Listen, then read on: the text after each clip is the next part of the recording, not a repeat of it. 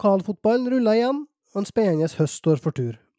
En del lag har allerede kommet i gang, og flere starta en uke her. Vi Opp med praten tar som vanlig tempen på breddefotballen i Nordmøre og Romsdal. Podkasten er edd, laga og produsert av avisa Driva, og jeg som taler nå, heter Øystein Gjelle Bondhus. Med oss som annonsør i denne avkjente episoden av sesong to har vi Sparebank1 SMN. Med oss er òg han som kommer med sterke meninger om klubben din, men som du egentlig stort sett må innrømme at du alltid er enig med. Torgeir Ruud Ramsli, velkommen. Takk for det. Jo, det var en uh, fin intro. Så prøv å komme med noe ja, friskt denne gangen her òg. ja, og har du vært på fotballkamp i kretsen vår de siste åra her, uh, ja, om det er som spiller, trener, lagleder eller tilskuer, så er sjansene ganske store for at du kjenner til dagens gjest. For meg er en fotballspiller i fjerdedivisjon. Gjennom 22 seriekamper så har den karen her etter mine beregninger allerede vært på banen i 62 obligatoriske kamper i år. Dommer Eirik Hyllbakk Furu, velkommen til Opp med praten. Tusen hjertelig takk for det. Veldig hyggelig å bli bedt.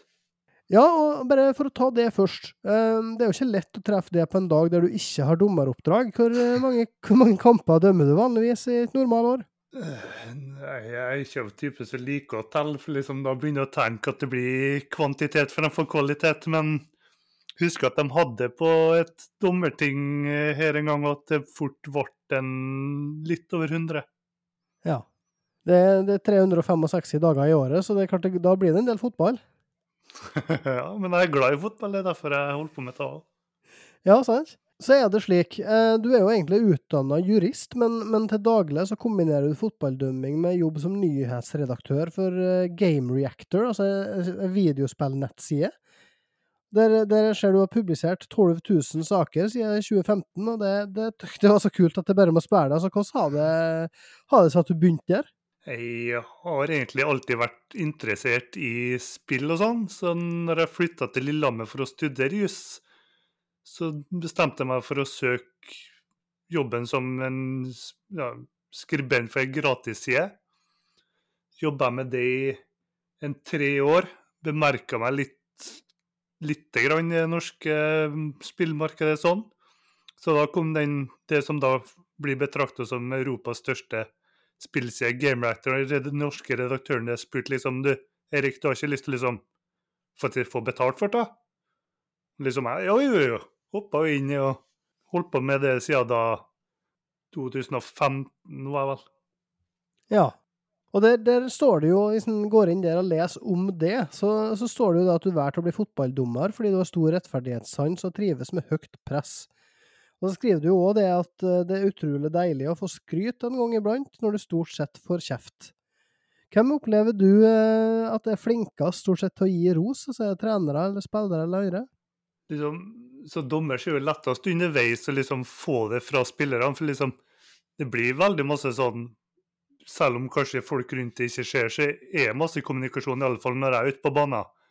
Elsker eller hater dem som hører på podkasten og spillere her nå, at jeg snakker masse med dem. Men det er spillerne, rett og slett. For det er faktisk masse skryt du får på banen, masse et smil.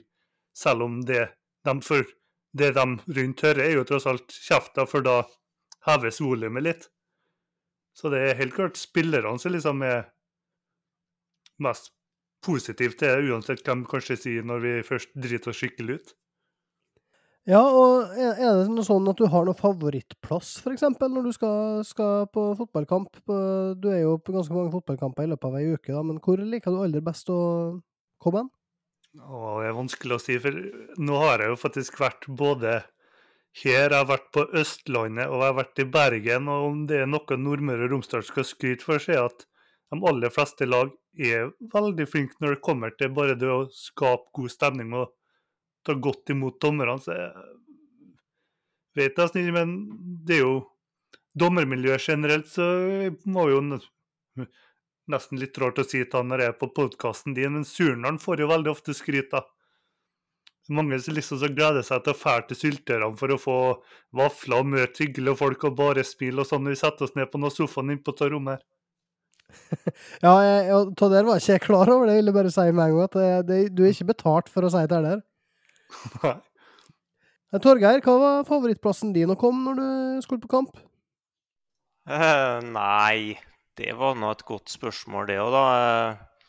Jeg vet ikke om jeg hadde noen sånn favoritt-bortekamp, men jeg likte meg jo kanskje bedre i Kristiansundsområdet enn jeg gjorde i ja, Romsdalen, da, for å si det sånn. Det var litt mer eh, Jeg fikk høre det litt mer som en sånn tidligere litt mislykka Molde-spiller som ikke nådde helt opp. Så fikk jeg høre det litt mer i Romsdalen enn, enn, enn jeg gjorde eh, i Kristiansund. Og så har vi sunnhardlinger kanskje litt mer likt Lynne kristiansunderen enn vi har moldenseren og romsdalingen. Så jeg tror kanskje at vi kjemien blir litt bedre, hvis jeg skal si noe. Men noe sånn favorittplass Jeg vet ikke. Jeg har alltid likt egentlig å komme til gressbanen gamle gressbanen i Kristiansund, da, det som er Kristiansund stadion nå.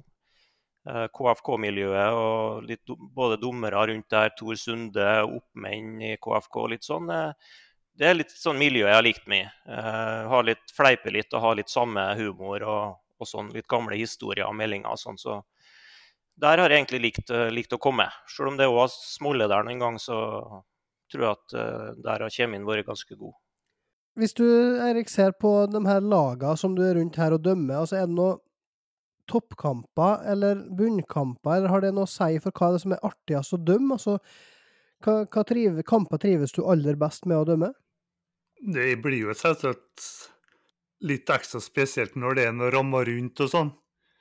Nå har jeg vært dommer på kamper hvor det har vært alt fra én tilskuer til 2000 tilskuere og sånn, så liksom det, det var f.eks. litt spesielt når det var Surnadal mot Molde i cupen, f.eks. Litt sånn der når det liksom fyller syltørene og det blir litt god stemning og litt sånn. Det, det blir jo litt spesielt, selv om vi dommere, de fleste av oss, tror jeg er relativt gode til å stenge ut det som skjer rundt oss. Men det, selvsagt det blir litt annet når det er rammer sånn rundt, når det er lokaloppgjørene så har vært heldig nok til å få Sunndalen, Surndalen, slikere ting. Selv om kanskje de ikke er like intense som folk synes det var før, så er det annen stemning rundt det. og liksom, Du merker at spillerne og kanskje er litt smånervøse, og når du da kanskje som dommer og klarer å hjelpe dem til å få roa ned litt og kanskje få et lite smil tilbake og ser at de må trives ute på banen. Det er litt ekstra artig. Ja, og når du får ikke bare sånne kamper, men, men når du som dommer skal forberede deg til, til kamp, hva, hvordan gjør du det? Jeg er blitt så gammel nå at liksom det, det er jo det settet som det er veldig mange, liksom, særlig de unge, da, når de liksom skal snakke litt med oss litt eldre før kamp, så gjerne den være forberedt, men ikke forutinntatt og litt sånn. Selvsagt, når jeg sitter i bilen på vei til Sande eller Syltøra nå før Sunndalen-Surnadalen, ser jeg selvsagt at jeg begynner å psyke meg opp litt mer, for jeg vet det er enkelte der som ikke er så glad i trynet på hverandre. Jeg liksom merker at jeg må prøve å pumpe opp meg sjøl for å liksom ha den rette pulsen, jeg òg, for jeg er kjent for å være litt for snill med spillere og liksom prate dem heller når de egentlig skal ha kort og litt sånn. Så liksom Det blir litt den at jeg må liksom ta på meg den maska òg, for det er mange som igjen da synes at jeg er litt for snill, så jeg liksom må ta litt den Bli kvitt litt min egen personlighet og få litt den mer kamplederen, da, som folk liker å si. Tror du den, eh, det å innta en rolle på banen på den måten der, tror du det er, er det, Hvor viktig er det for å stå i det å være dommer eh, over lengre tid? Jeg tror det har hjulpet meg litt spesielt, for liksom Nå vet ikke jeg hvordan i alle dager dere kom, til, kom på å liksom invitere meg til dette her, men det, det inntrykket jeg har fått fra folk generelt, like, like som Torgeir snakker om når han kommer til Kristiansund, det blir litt lettere å kommunisere med folk og liksom komme til forskjellige plasser når du har et relativt godt forhold til dem ute på banen, av banen og litt sånn. Så synes det er viktig å liksom finne en fin balanse utpå der. Jeg har liksom igjen vært med som dommer i kanskje det er en tolv år nå. Jeg har vært med et par stykk som liksom jeg føler skaper dårlig stemning ute på banen ved å være den som veldig mange sier arrogant, rett og slett. Og det er det verste jeg er med på sjøl som assistent og sånn, når jeg ser at dommeren er arrogant ute på banen. Da begynner jeg liksom å Å, nå Det her tror jeg ikke blir noe artig. Vi har fått et spørsmål her fra eh, Harald Webenstad, jeg er jo dommer sjøl. han spør i hva grad tenker du at spillerne hører og bryr seg om ropinga fra én til to trenere under en kamp i si fjerde, femte, sjette divisjon? Eh, litt For å lette litt på sløret, så snakker vi litt om det før vi starter å spille. Men jeg tror det varierer faktisk en god del avhengig av hvilken divisjon det er snakk om. Det tror jeg tilskuerne og Torgeir kan si litt mer om etterpå, at desto høyere opp du kommer, desto mer skal vi kalle det konstruktiv blir de samtalene mellom spillerne og trenerne. Er du f.eks. på i en Post Nord-kamp litt sånn Ser gjerne sånn Du ser treneren komme fram på linja, liksom forklare nå prøver vi den og den. Kanskje spilleren er uenig, da liksom sier det på en fin måte. Ikke bedre om vi gjør sånn og sånn. Da Om det i stedet er litt i femtedivisjon og sånn, så er det kanskje et par litt slitne spillere som da bare sier nei, F.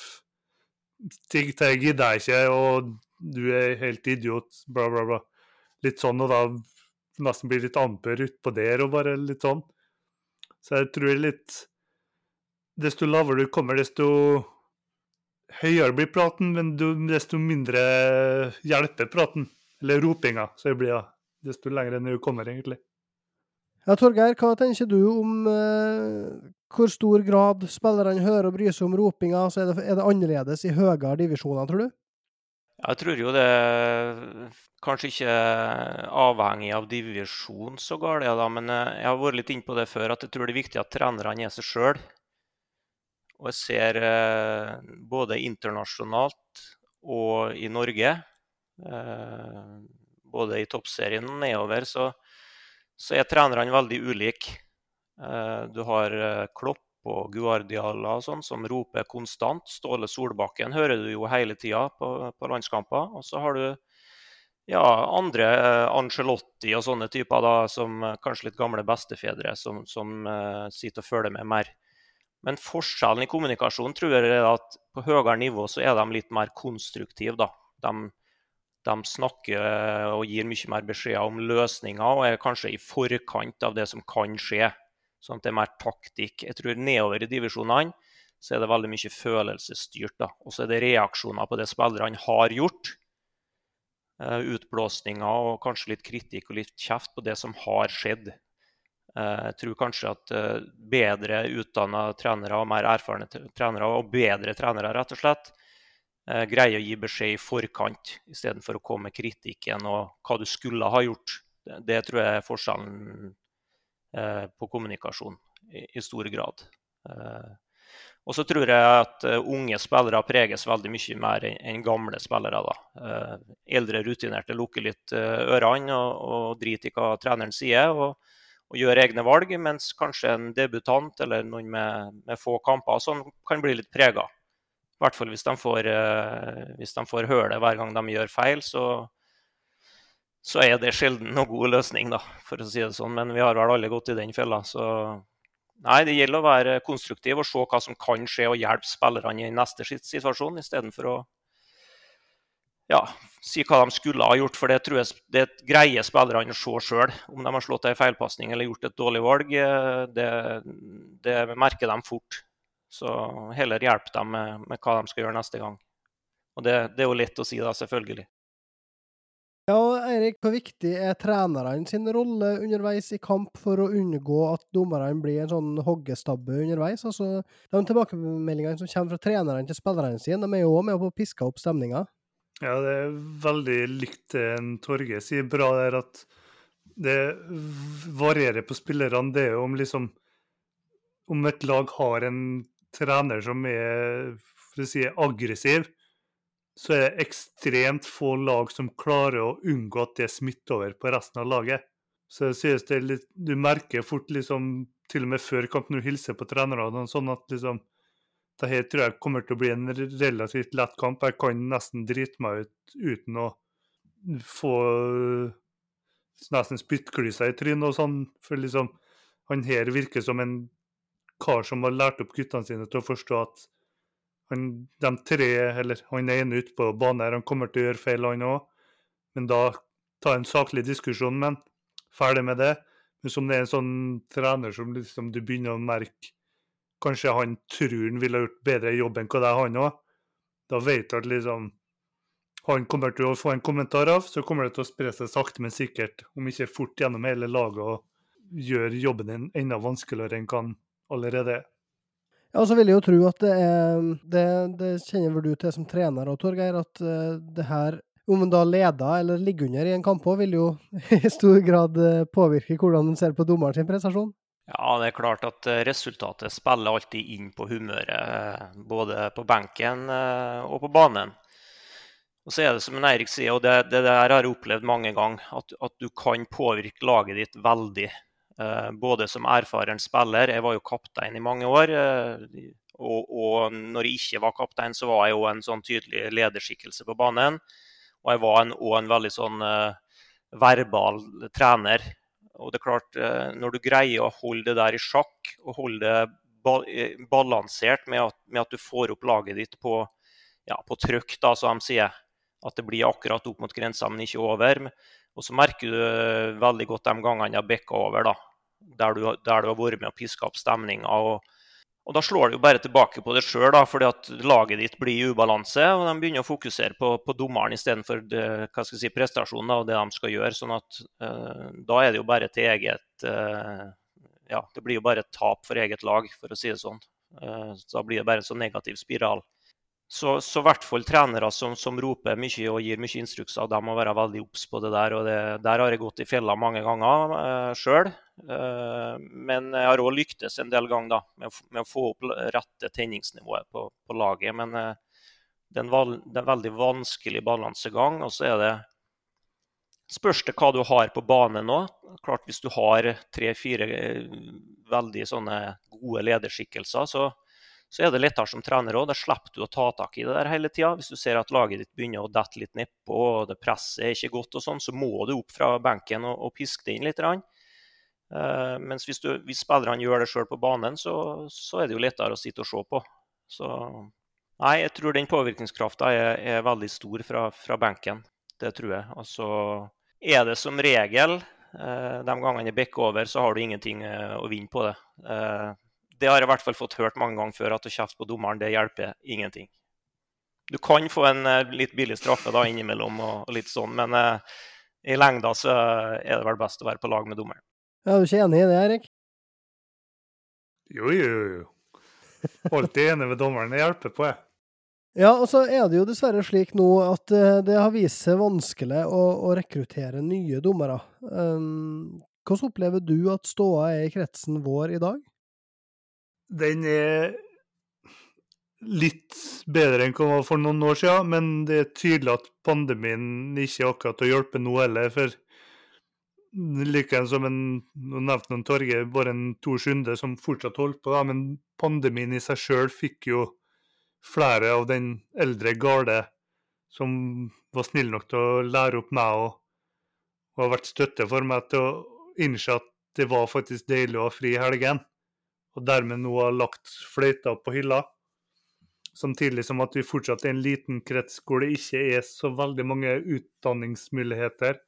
Så nå i høst så mister vi en håndfull dommere, unge dommere som virkelig er, er på vei oppover i systemet. Min mening som liksom vi kommer til å savne dem, så er heldigvis et par av kampanjen om å få inn litt eldre folk til å dømme har lyktes, i alle fall til en viss grad, sett litt utenfra, så jeg ikke er noe i kretsstyret eller noe sånt og ser det, men det ser ut som det har hjulpet litt, for jeg har fått med meg et par på linja og liksom sett at de virker ivrige på å holde på der, og at de har innsett at dømminga faktisk er gøy når du faktisk kommer inn i.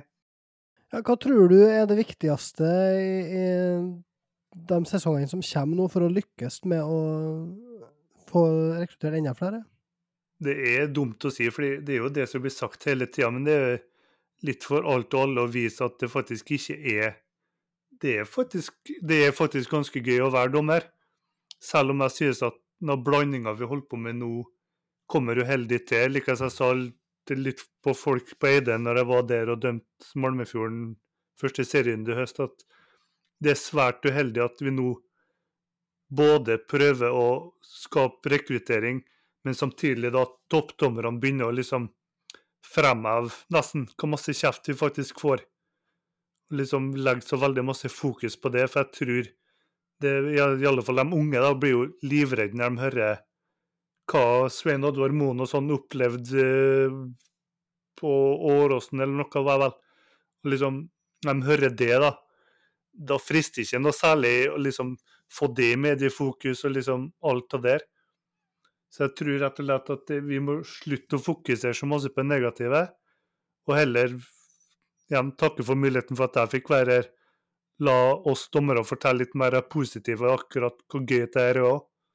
For jeg har mista tellinga på hvor mange, både unge og gamle, som har vært ferske i dommergjerninga, som liksom Når jeg snakker med dem ei uke eller to etter at de har vært med meg, bare så sier de at det er jo faktisk mye gøyere enn hva jeg trodde det er faktisk ikke like ille som mange prøver å få etter. I Norges mest personlige mobilbank fra Sparebank1 sorterer vi utgiftene dine for deg, slik at du får full oversikt over forbruket ditt. Last Med full oversikt menes kun økonomien din. Vi tar ikke ansvar for glemte bursdager, morsdager, farsdager, dugnader, foreldremøter, enslige sokker på avveie, forskjellen på høyre og venstre, p-pilleglipp eller pass som er gått ut på dato. Ja, men i hvert fall, last ned Norges mest personlige mobilbank fra Sparebank1 i dag. Fjerdedivisjon var tilbake i helga. Der eh, slo Treff 2 Sunndalen 2-1. Eide og omegn slo Malmefjorden 5-0. Dale slo KFK CFK 13-1. Misund Åndalsnes endte 1-2. KBK2 slo Surnadalen 6-1, og Tomrefjord vant lokaloppgjøret mot Vestnes Varfjell 1-0. Hvis en begynner i Molde med treff 2 Sunndalen, Torgeir, der snakka vi jo litt om eh, at det avhenger hva treff 2 kom med. og hva tenker du om den kampen? I forhold til lagoppstillinga til treff, da, så så jo det litt eh, hva skal jeg si, eh, sterkt ut eh, før, før eh, avspark. For det var jo mye sterke navn der, men de forsvant jo ut etter hvert. Så de stilte vel et sånt normal, normalt eh, lag. Eh, ikke noe spesielt sterkt treff to-lag, sånn som jeg ser det. Så mm, det var jo alle muligheter for Sunndal der å, å, ta poeng. og ja, rapportene som jeg har fått, de, de er jo fra Sunndalshold, da, selvfølgelig. Og de mente seg jo litt uh, snytt for både ett og tre poeng, både treneren i avisa så og spillerne som jeg har snakka med. Så, og, men de, de, greide jo ikke å skåre. de mente jo sjøl at de hadde en del sjanser, men uh, fikk ikke ballen i nota. og da, da blir det noe sånn, da. Så at det var en jevn kamp, eh, sånn som Treff stilte og sånn som Sunndal stilte, var vel ikke noe spesiell overraskelse. Litt surt at Sunndal ikke fikk med seg poeng, men eh, normalt at det ble jevnt og bekka det i Treff sin favør. Ja, og så bet vi jo merke i at bror din, Erik, spilte midtstopper i, i helga. Altså, er det en uh, ny karriere for han, tror du, eller er det vikariering? Uh, nei, det kan jo bli. De har jo ikke så mye uh, å velge i det lenger. Da. Det er jo tre stoppere som eh, er borte fra vårsesongen. I tillegg så er jo Petter uh, skada. Petter Melkel er skadd. Så var jo Kevin Dyrhaugan uh, brutter'n som spilte nå, da. Og Kevin måtte jo ut med skade, og da gikk Eivind Lervik ned. Han har jo spilt en del høyreback, da, Erik. da både i tredjedivisjon eh, når jeg var trener, og, og med, dem, med, det nye laget som er nå. Så han har jo fart, da. Og det er klart, eh, nå hadde de jo to stoppere med stor fart. Selv om de er litt uskolert og, og sånn, så å spille midtstopper er ikke verdens vanskeligste rolle, da, hvis, hvis, du, hvis, du, er litt klok og litt rutinert. Så eh, jeg ser ikke bort fra at han kommer til å spille der mer. Han, han mente at han kom fra det Eh, rimelig bra sjøl. Og det er alltid godt for et lag å ha, å ha fart på stopperplass. Altså. Det, det, er veldig komfortabelt. Så ser ikke bort fra at han kommer til å fortsette der nei. Sunndalen, eh, i og med at de eh, tapte, så var det jo stor spenning knytta til det andre toppoppgjøret mellom KBK2 og Surndalen, der KBK2 har muligheten til å ta over serieledelsen. Det gjorde de jo med å vinne 6-1 i den kampen, som var, var streama. Hva tenker du om den kampen, Torgeir? Du så vel den? Ja, jeg så den, og jeg syns Surnadal kom eh, godt i gang. Første kvarteret var det beste laget. Hadde mye ball og var komfortabel med ball. KBK eh, hadde lite ballbesittelse første kvarteret. og Surnadal hadde noen tilløp til, til sjanser. Var ikke noen kjempestore sjanser, men de hadde noe småtteri. Men, men etter 1-0 etter en, ja, et kvarter, 20 minutter, 16-17 minutter, så, så datt det jo helt sammen. og De skåra jo nesten på alt de hadde KBK utover. og ja, jeg må nå bare si det at forsvarsspillet til Surnadal ligna jo ikke grisen. da. Eh, de eh, slapp inn på dødball. Eh, de fikk brudd i midtbaneleddet. De hadde stoppere som gikk seg bort med ballen, og det, det rant igjennom, for å si det rett ut. Og de ble runda én mot én, så det var både laget og enkeltspillerne hadde stor, stor trøbbel i forsvarsspillet. Så det hjelper på en måte lite om kampen. Jeg hørte han Rune Edøy også kommenterte liksom, Han sa i første omgang at kampen var jevn. Det, det, er ikke en jevn fotballkamp når det står 4-0 til pause. Før eller siden så må du slutte å si at det er jevnt. Om det er på 1-0 eller 2-0. Men på 4-0 er det i hvert fall ikke jevnt. Så hvem som har ballen så mye og sånn, er kanskje ikke så viktig. For det var livsfarlig hver gang KBK eh, var i angrep, i hvert fall i ja, siste halvtimen av første omgangen. Og så andre omgangen blir jo prega av at kampen er, avgjort, da. Men eh, det var ikke noe overraskelse for meg at KBK vant, men eh, det ble veldig store siffer. Det hadde jeg ikke trodd. Så Surndalen må i hvert fall få skikk på forsvarsspillet sitt. Og så møter de jo ikke angripere av det kaliberet der eh, resten av sesongen, da. Eh, det, så det blir jo lettere. Men eh, det var ikke noe overraskende at KBK vant, for å si det sånn. Jeg ble litt nysgjerrig nå, for jeg så ikke kampen. Men siden du så den, Torgeir, så jeg med fare for at du kanskje kommer til å skryte av en surnaling nå, men tror at de savner en Vegard Brøske? Er det som gjorde slik at Forsvaret ikke er helt hang sammen og noe sånt? Ja, nå var det nå en veldig god spiller som gikk ned og tok den rollen, da, han andre setter, Men eh, det går vel kanskje ut, utover balansen i laget, da. De blir jo, blir jo svekka litt på midtbanen, og, og spesielt den ankerrollen. Nå syns jo han Brusethaug som spilte der, var god det første kvarteret. Har styrt mye av spillet og var, var veldig kreativ og fin og pasningssterk og sånn, men eh, defensivt så ja, det blir, blir en del rokeringer. Og de blir jo veldig avslørt på fart, da, syns jeg. Fart én eh, mot én både i overgangsspillet på midten og, eh, og hva skal jeg si, bakre fireren. Da. De blir fraløpt og ja, de henger ikke med. Når, når de mister ballen sjøl, så blir det for tungt hjem igjen. Så ja, det, det, er ikke han Vegard har sikkert vært den spilleren som har dirigert mye og holdt det der sammen. Så, men, men, igjen, jeg tror ikke, tror ikke Surnadal slapp inn seks mål flere kamper i år, da. Det er jeg rimelig sikker på. Så det kan godt hende at det var et engangstilfelle. ta. Ja, altså, jeg tenker jo at det er et poeng her at uh, vi har jo en uh, KBK2-treneren her forrige, Erik Ranheim forrige gang. og Han håpa at Surnadal skulle komme til Kristiansund og spille fotball. Uh, ønsker å spille, og det, det, gjorde de jo. Det første kvarteret så har de jo mye ball, som du sa, Torgeir.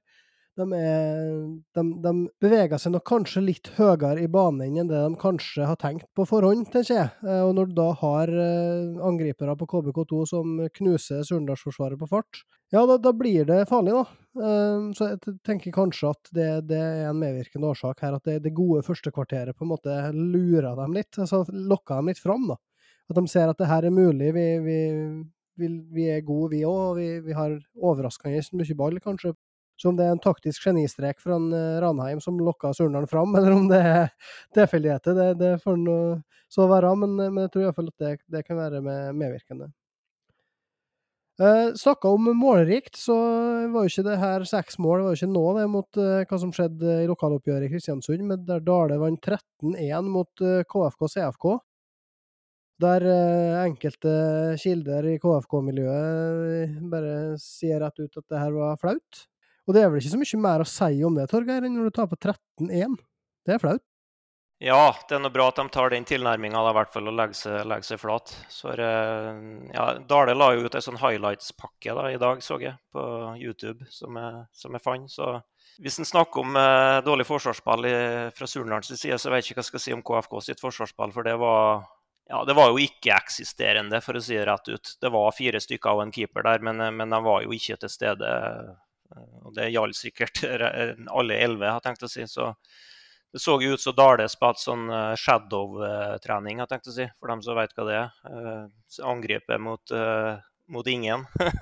Bare trene angrepsmønster. Nei, det er litt stygt sagt, men det, var, det, var, ikke noe forsvarsspill overhodet. Så, så det rant bare på. Så Ja, nei, vi får håpe for Det er bra for Dale, men de fikk skåra mye mål og trent angrepsspill og, og, så ut til å ha det veldig artig. Og så så det forferdelig ut for KFK, så de får bare prøve på nytt igjen. Og som Dale påpeka sjøl, så tok jo en spillende trener Frøner han skåra fem mål og tok ut en Tobias Dale til timen som er toppskårer. Ja, så nå, nå holder han på å ta han igjen, nesten. så det der blir spennende å se om en Frøner har tenkt å spille spiss eh, framover sjøl og, og, ta igjen og bli toppskårer. Det, det får vi følge med på. En annen en som kan eh, skåre mål, det er en Ronald Paiva på Åndalsnes. Han eh, våkna for alvor nå i helga og skåra to borte mot Misund. Eh, oppi ja, fire totalt nå, da, men eh, ifølge en Torkel Høgseth, som leda laget nå i, mot Misund fordi at eh, Gintaras Budrika var på ferie, han eh, sa det at eh, Ronald blir viktig på høsten. Han har en kreativitet som ikke mange har, skaper en del ubalanse hos motstanderen. og det ble en 2-1-seier til Åndalsnes borte mot Misund, og da har jo de fått en veldig god start, eh, Torgeir, på, på høstsesongen? Ja, borteseier er ikke så mye som smaker bedre enn det. Så jeg hadde jo en feeling på Misund da, i den matchen, men uh, bomma jo der.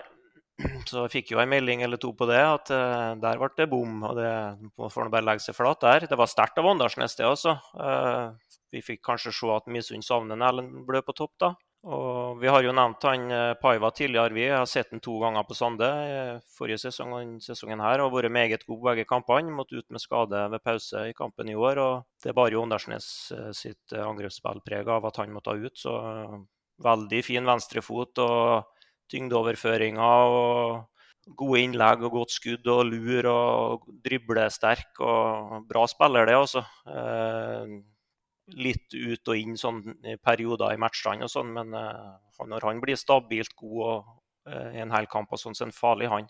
Absolutt. Klart beste offensive spilleren på Åndalsnes, sånn som så, sånn jeg bedømmer det. i hvert fall det jeg har sett. Så. Det var sterkt av Åndalsnes.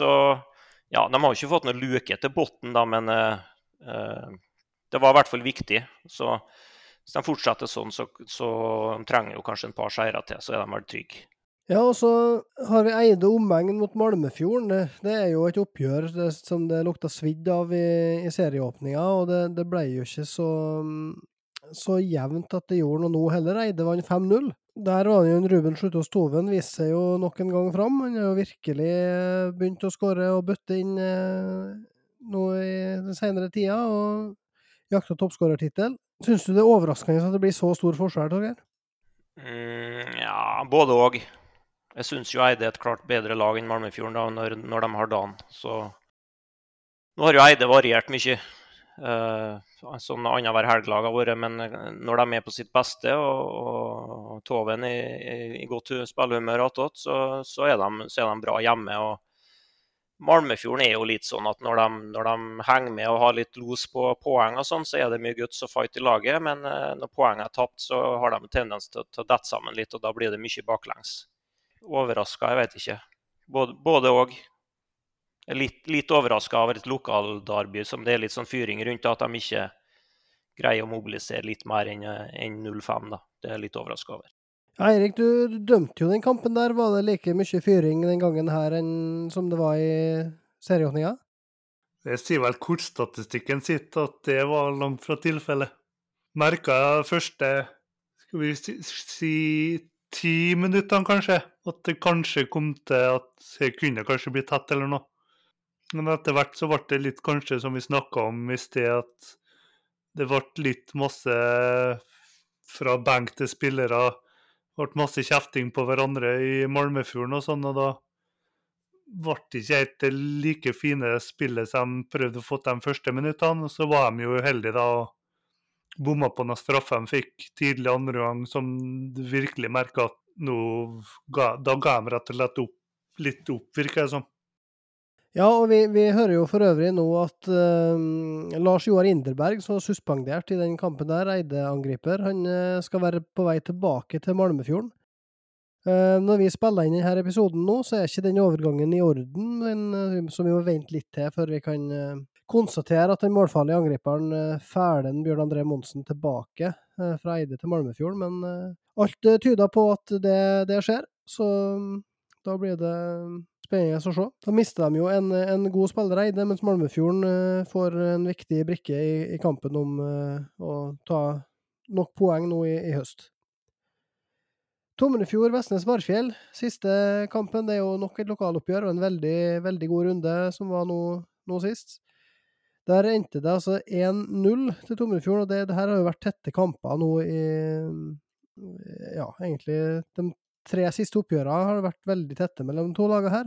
Hva tror du om Tomrefjorden nå, Torgeir, framover? De blanda seg jo virkelig inn i, i teten her. Eh, ja, det gjør de. Det er klart eh, Når Surndal nå tapte og Sunndal tapte, og, og Tomrefjord fortsetter å vinne, så, så, gjør de jo det. Jeg så jo en del av den kampen òg. Eh, jeg skrudde jo av litt KBK Surndal når den var avgjort, og så gikk jeg over til Tomrefjorden. Så nei, det var en Jeg syns jeg gjentar meg sjøl igjen. Det var en klassisk Tomrefjord-seier. Altså. De var ikke spesielt dominant. Kampen var ganske jevn. Uh, Tomrefjorden litt bedre, men det er noen Håvard Taklo som ligger alene på topp der da, og springer og sliter. og Han fikk jo belønning for strevet med, med en goal der han gjør alt sjøl. Det er jo bare ei lang lyre som han springer opp og jager. og Selvfølgelig dårlig forsvarsspill, men vi, vi, har sett at han har skåra en del sånne mål sjøl, og så holder de jo tett bak. Uh, av det jeg så, så hadde i hvert fall Varfjell én i stanga, uh, men ellers var det lite. Så jeg tror det var en grei og fortjent 1-0-seier, eh, men eh, ja. Det som jeg sier, det var klassisk Dommerfjord. Igjen. Ja, det er jo derfor vi kaller det klassisk. Det jo, da, da, har det jo skjedd en gang. ja, og så eh, jeg, jeg, tenkte en del når jeg satt og så på den kampen på Vestnes, da, hvordan, de, hvordan de skulle greie å skåre mål. og så må jeg bare få nevne det. når jeg jeg ser en så god spiller som en Amund Stavheim da ligger så dypt i banen hele tida. Uh, kommer ned dypt på midten, litt ut mot sida og skal liksom bli spilt opp fra forsvarsfireren og bli liggende der. Uh, som en sånn eh, dårlig utgave av en Martin Ødegaard i, i, sine landskamper. Kommer bare ned og henter og står og spiller på tvers. og, og litt sånn. Må, når de har en så bra spiller, så må han komme seg mye høyere opp i banen. Det er greit at han kommer ned av og til for å få ballkontakt og sånn, Eh, det, det forstår jeg. Men, men, de kan ikke ha en så god spiller som ligger så langt unna motstanderens mål i 90 minutter. Må komme seg opp i mellomrom på skuddhold, kunne ha gjennomspill, innlegg. Må, må være mye mer trussel mot motstanderen. Så, så det overrasker meg at de velger å ha han i en sånn rolle eh, nesten gjennom hele kampen. For eh, ja, de har ikke så voldsomt mye å spille på. Så, så de må, utnytte de styrkene de har. Så han ville gjerne se eh, mye nærmere motstanderen sitt mål. Så det var ja, hva skal si, mitt tips til eh, Konor og gjengen på Vestnes.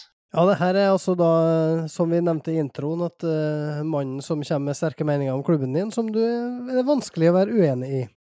Stavheim er jo en klassespiller på det nivået her, og det, det nevnte jo Alexander Konor da han var gjest med oss òg, at jeg mener han er av de aller beste spillerne i divisjonen. Men eh, det er klart, vi her i poden vi har jo òg diskutert en del eh, bruken av Arnt Erik Brakstad i Misund, og han er jo trener sjøl, og vi har jo diskutert Jonas Frøner i Dale. Så vi, det at vi er uenige, det er jo ikke bare i trenere som tar ut spillere, vi er jo uenige i hvordan spillernes trenere bruker seg sjøl òg. Så, så her det forbeholder vi oss retten til.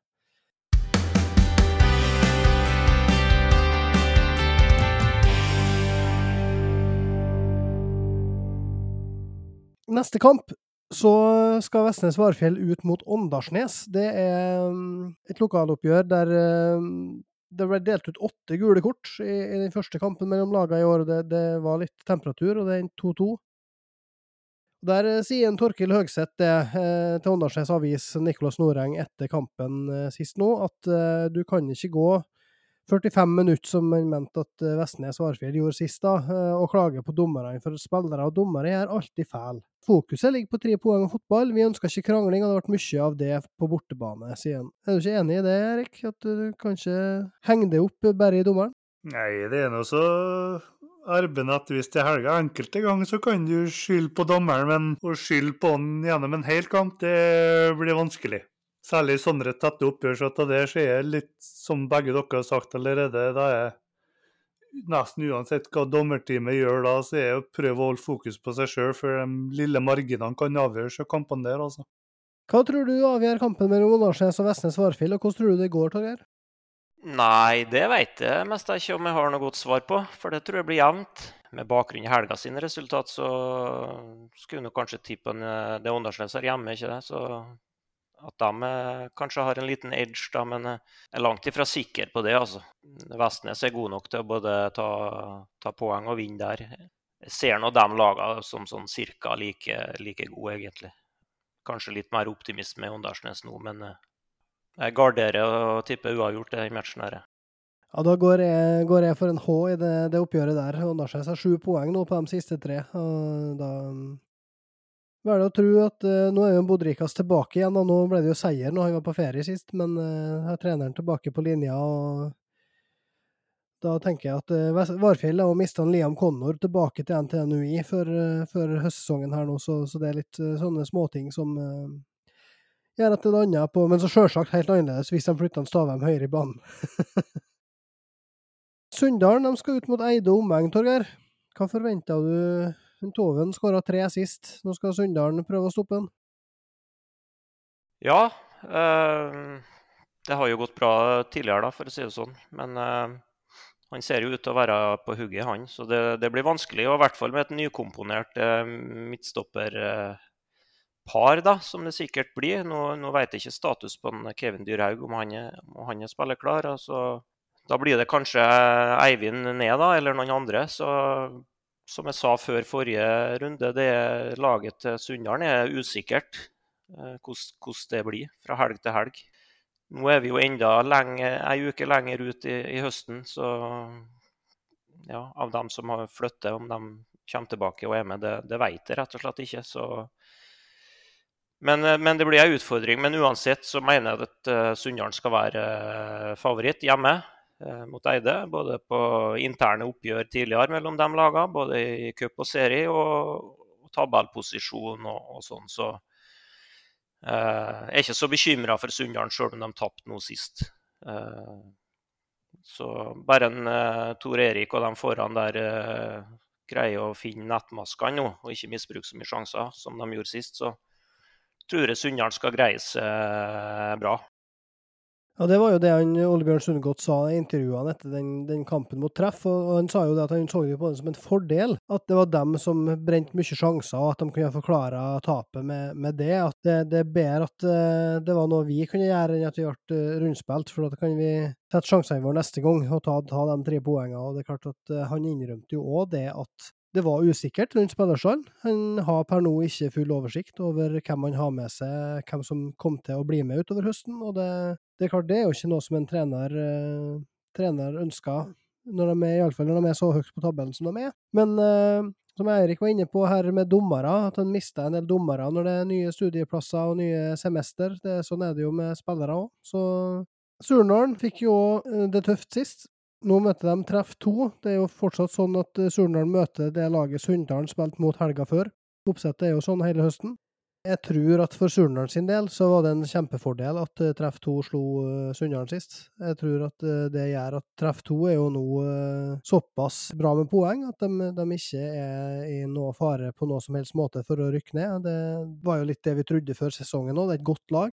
Mange gode spillere, og når de er litt forsterka med, med folk fra benk på A i tillegg, så er det et lag som med maks uttelling kunne kjempe enda høyere. Nå skal de borte til Syltørene, og nå er det litt annerledes, har jeg inntrykk av eh, nå enn hvordan det har vært tidligere når Treff 2 har vært i fjerdedivisjon, men de siste par-tre gangene Treff 2 har vært i fjerdedivisjon på Syltørene, så har det blitt stygt. Eh, da, da har de kommet med lag som har vært fryktelig svake. Eh, jeg tror og håper at det ikke blir tilfellet den gangen her. De ser ut til å stille jevnere i år, de ser ut til å ha flere å ta av. Og, og det er såpass tidlig på høstsesongen. A-laget gjør det såpass bra at jeg tror de har råd til å, å stille med et bra lag òg på Syltørene Syltørene, men ikke like bra kanskje som det både Surnadal og Sunndal og andre har møtt i Molde. da. Så, så jeg tror at uh, Surnadal kommer til å, å, vinne den kampen. Uh, men jeg tror ikke det blir stygt sånn som det har vært uh, enkelte ganger før. Hva, var ikke det litt av en analyse, Torgeir? Jo, det var en god analyse, det. Eh, Jeg tror jo de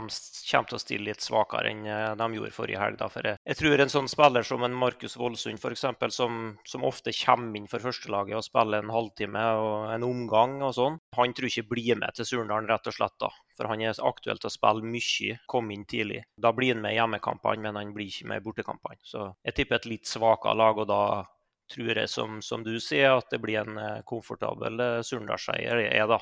Kan bli både tre og fire og fem, tror jeg. Bør være veldig revansjesugen Surndal nå, etter eh, det de viste i ja, i hvert fall siste 75, da, for å si det sånn. Ja, og så har jo treff to faktisk Tomrefjorden allerede på tirsdag igjen, på hjemmebane. Så der er det to kamper på ganske, ganske kort tid. En toppkamp eh, i Tomrefjorden, eh, KBK2, som blir, blir interessant. Der er det jo sånn at KBK2 har vel, eh, eller KBK sitt A-lag, har vel spillefri. Tror du det, Erik, kommer til å påvirke noe hva de kommer med? Ja, det virker jo faktisk som KBK men- mener mener seriøst når de sier at de faktisk kan tenke seg å faktisk rykke opp i år, da. Men så er de vel fortsatt litt redd for gressmatta i Tomrefjorden, tenker jeg. Så det er litt interessant der òg. Det er unggutter på KBK-laget der som ikke er kjempeglade i gress. At de ikke får like god fart og like kan begynne med fintene sine og sånn der. Så et hardtkjempende Tomrefjord-lag kan bite godt fra seg. Så det spørs litt hvordan været blir på lørdag, og hvor god han ene assistenten på linja her er med offside-avgjørelser. Han furu, furu der. Ja, jeg hørt masse hemske ting om han. Ja, hva tror du, Torgeir? Blir det en klassisk Tomrefjord-seier igjen, eller uh, tror du KBK2 knekker gresskoden? Nei, jeg tror det blir eh, business as usual. Ettmålsseier til Tomrefjord. Det tror jeg. Ligger nedpå, forsvare seg godt, frustrere KBK, og så ja, jobbe inn et mål på en eh, dødball eller noe sånt. 1-0, 2-1, Tomrefjord. Ja, og, og da er det jo slik at Malmefjorden daler, og, og hvis det skulle slå til at Tomrefjorden vinner den kampen, hvis Dale vinner sin kamp, så er det jo plutselig kan det være fem lag her på 26-27 poeng, og da har vi virkelig en, en spennende eh, avslutning i vente. Men da er jo spørsmålet, tror du Dale slår Malmefjorden borte, Torgeir? Ah, jeg håpa mest da du skulle spørre Eirik om det, men jeg veit ikke. Det er så klassisk Dale å ikke vinne den matchen der. Men de, de er jo et mye bedre lag. Men så, fotballen er jo litt sånn at når noen har gått på stygge smeller eller vunnet stort, så, så har eh, det motsatte tendens til å skje helga eh, neste helg. Eh, nå vant jo Dale veldig mye, og, og Malmefjorden tapte mye. Så jeg tror den kampen blir jevnere enn eh, enn kanskje tabellsituasjonen og, og siste resultater som tilsier. Da. Og så tror jeg for Malmefjorden sin del at det er kjølig viktig å få en god start. Sant? Blir det 0-1 og 0-2, så, så detter de fort sammen igjen. Og får de første målet, eller er- med lenge, så, så har de det jo i seg. Og så spørs det jo om en Inderberg blir spilleklar. sant? Da, da har de plutselig et helt annet angrep med han og Monsen enn de har hatt tidligere i sesongen. så Nei, men jeg avskriver aldri Malmefjorden hjemme. altså. Jeg, jeg gjør ikke det, så jeg tror de har en god mulighet. Hva tenker du om den, eh, du som så Malmefjorden mot Eide fra en relativt god posisjon sist, Erik? Ja, en god posisjon. Det er enkelte spillere som vil diskutere, men eh, jeg tror Torgeir er innpå et viktig poeng med siste her. Igjen hjemmebane. Det er lita bane, det er gress. Får ikke utnytta litt av farta si og bakrommene som de er glad i. Så Malmefjorden gjorde synes ikke at de gjorde det like ille som resultatet tilsier på Eid. Altså, så den er veldig vanskelig å spå. Det tror jeg rett og slett blir nesten i gåseøynene avgjort av hva som skjer de første 20. Ja, og så apropos det her som er nevnt med at eh, lag skal slå tilbake, så har du jo to lag som begynte med tap, med KFK og CFK, som tar imot Misund. Der må det vel være to lag, eh, Eirik, tror du ikke det, som eh, virkelig øyner muligheten? Ja, men det er nesten litt som sammenligna med treff to. er Veldig avhengig av hva Misund stiller med, altså. For når jeg hadde dem da treningskampen mot Eide uka før seriestart, så snakka jo med Arnt Erik, og som vi alle vet, så kommer Misund til å slite med å stille nesten med elleve spillere i høst nå. Så det spørs veldig på hva de kommer med, rett og slett. Men eh, vanskelig å si. Jeg tror jeg rett og slett blir en jevn kamp med to lag som iallfall kommer til å gå ut i 100 for å vise at de er bedre enn hva første serierunde i høst antyda. Hva har du for tippetegn i den kampen, Torgeir? Nei, vanskelig. Utrolig vanskelig, altså. Det samme, det er nesten bingo. Eh, det kan gå alle veier, tror jeg. Det, når de møtes innbyrdes, nå de fire-fem nederste lagene der, så er det åpent. altså Spørs hvem som har dagen. KFK har jo minst poeng og har uh, noen veldig stygge tap her, men uh, de er kapable til å slå de andre lagene. Det, det har de òg vist. så det er helt umulig egentlig å si noe. Det er sånn styr unna, i hvert fall på, på oddsen. og Kan bare sette det tegnet som gir høyest odds. Hvorfor det? Så Håper for KFK sin del at de greier å mobilisere litt. Det er et veldig ungt lag. og Det har vært kjølig trist om de på en måte har datt sammen nå da, og ikke fått noe mer poeng og bare store tap utover høsten. Det har vært litt trasig. Så Vi har jo tippa dem ned, og det står jeg fortsatt for. Tror ikke det blir nok poeng til, til å berge plassen, men uh, at de i hvert fall kan gå ned med ja, flagget til topps, er det det heter. Om det ikke blir det, så noe i nærheten av det, da. Ja, og så er det jo slik at, eh, at det er jo ti kamper igjen å spille, og det er bare fem poeng opp til åttendeplassen, så det er to, to seire, det. Men uh, det er klart at når du da har tatt sju på de tolv første, så, så, må du jo ta Tar du like mange igjen, så kan det hende at det holder, det, altså. Ja, men jeg, jeg er ikke overraska over at det er lite poeng da i, i bunnen der. Det er flere lag. Sånn var det i fjor òg. Par seire, så har du nesten berga, vet du. Nei, det er alle muligheter for alle lagene. Alle, eh, alle de fem, fem nederste i hvert fall kan gå ned, og alle kan berge. Så det er lenge igjen, som du sier. Ja, det viser jo bl.a. det som nevnte i stad, med at Åndalsnes har tatt sju poeng på de tre siste. For De sto jo på fem poeng for, da, for tre runder siden, og nå har de tolv. Så det, ting skjer fort her hvis en kommer i stimen. Ja, så det ser nå ut som det blir utrolig spennende, da, både i toppen og i bunnen utover.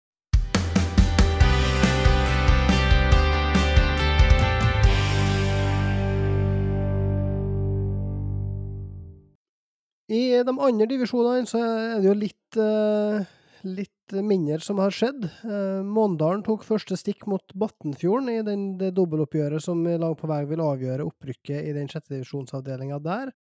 Gjelseth Kleive kunne komme av poeng med Elnesvågen i toppen av femte, men tapte 3-4 hjemme mot Dale 2. Uh, Tom Einar Storvik med tre mål der. Så må vi jo ta for oss det, da, Torgeir. En overgang som vi har bitt oss litt merke i det er at uh, Tommy Eide Møster, tidligere Molde-spiller, han er altså gått til Eidsvåg. Du har vel spilla i lag med han, uh, har du sett, Torgeir? Hva... Ja da. Jeg sier ikke at han, han er den samme spilleren nå som han var da, men hva, hva type er det?